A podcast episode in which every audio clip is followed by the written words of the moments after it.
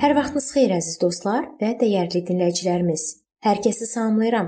Mənim adım Sona və sizi Allahla 5 dəqiqə adlı podkastımızda xoş gördüm.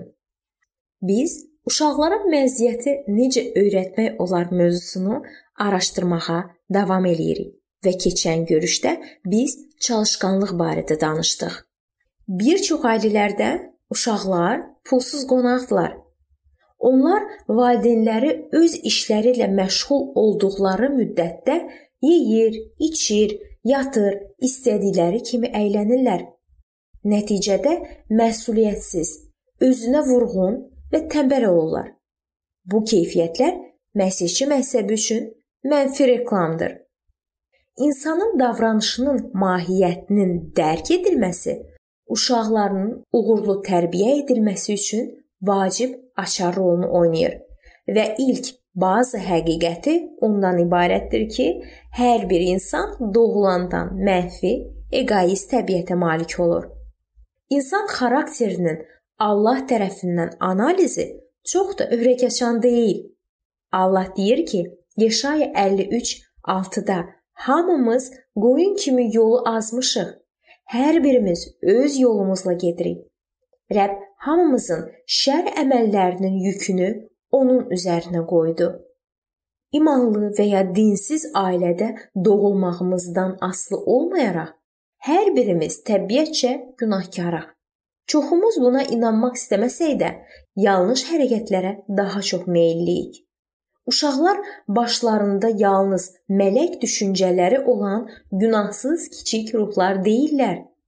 Onlar yaxşılıq etməyə meylli olmurlar. Zəbur 51-ci fəsil 5-ci ayədə deyilir: Mən doğulandan bəri günahkaram. Ana bətnindən belə təqsirkaram. 58-ci fəsil 3-cü ayədə də deyilir: Pis adamlar ana bətnindən belə azğındırlar, çaşıblar, doğulan gündən belə yalançıdılar. Uşağı öz başına qoysanız, şər və utanverici həyat tərzini seçəcək. Hər bir uşaq təbiətcə şəxsi həyatını hər hansı hakimiyyətdən azad şəkildə idarə etməyə meyllidir. Hətta yaşı az olan uşaq da eqosunu yüksək tutur. O əmindir ki, hamı ona görə və onun üçün həyat sürür.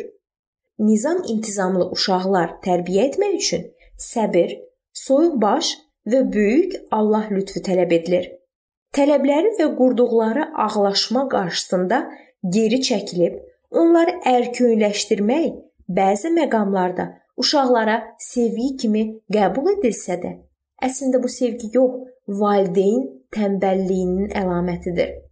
Uşaqların tərbiyəsi böyük məsuliyyətdir. Bəzən məyus olur və özünüz özünüzə sual versiniz ki, görəsən nə vaxtsa uşaqlarınız onlar üçün müəyyən etdiyiniz ölçülərə uyğun gələcəklərmi? Lakin buna baxmayaraq, onların xarakterində xeyirxah keyfiyyətləri artırmaq üçün işləməkdə davam edirsiniz. Bu əziyyət özü ilə böyük mükafat gətirəcək və uşaqlarınız sizi mübarək adlandıracaqlar. Bu fikir Zəbur 31:28-də yazılıb. Hər bir valideyn uşaqlarının xarakterində yaxşı cəhətləri inkişaf etdirmək üçün daim səy göstərməlidir. Gəlin bir neçə görüş, danışdığımız bu vacib həqiqətləri hər birimiz ailəmizdə tətbiq eləyək.